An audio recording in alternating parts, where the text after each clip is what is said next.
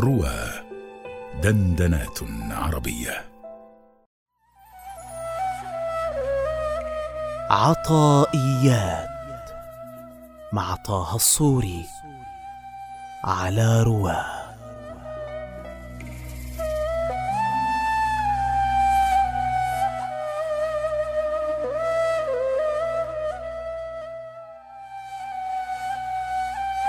علم قلة نهوض العباد إلى معاملته فأوجب عليهم وجود طاعته فساقهم إليه بسلاسل الإيجاب.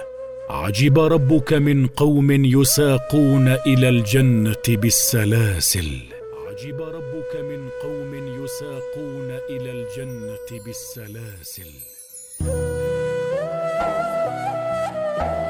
أي علم الله سبحانه قلة نهوض عامة عباده إلى معاملته من إقامة العبودية طوعا منهم فأوجب عليهم وجود طاعته كرها لأجل ما خوفهم به إن لم يفعلوا.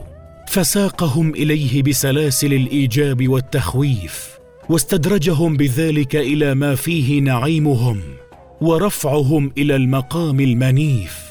كما يفعل ولي الصبي عند إرادة تأديبه فإنه لا يتركه إلى طبيعته وأهوائه تجري به بل يلزمه أمورا يشق عليه فعلها فإذا بلغ مبلغ الرجال تبين له نفعها. فيكونون كأسار الكفار الذين يراد بهم الدخول في الإسلام وهم يكرهون ذلك مع أنه موصل إلى الجنة دار السلام. كما أشار إلى ذلك بالحديث الشريف عجب الله من أقوام يقادون إلى الجنة بالسلاسل وهذا الحديث في أسارى بدر الذين أسروا ثم أسلموا والمراد من قوله عجب ربك إظهار غرابة ذلك الأمر لخلقه فيتعجبون منه لأن العجب الذي هو استعظام أمر خفي سببه مستحيل على الله تعالى. واعلم أن الخاصة لا يحتاجون إلى الإيجاب والتخويف والتحذير لتنوير بصائرهم وحبهم لطاعة اللطيف الخبير. فلم يقتصروا على ما اقتصر عليه العامة من الواجبات بل أضافوا إليها نوافل الخيرات وصارت أعمالهم كلها قربات.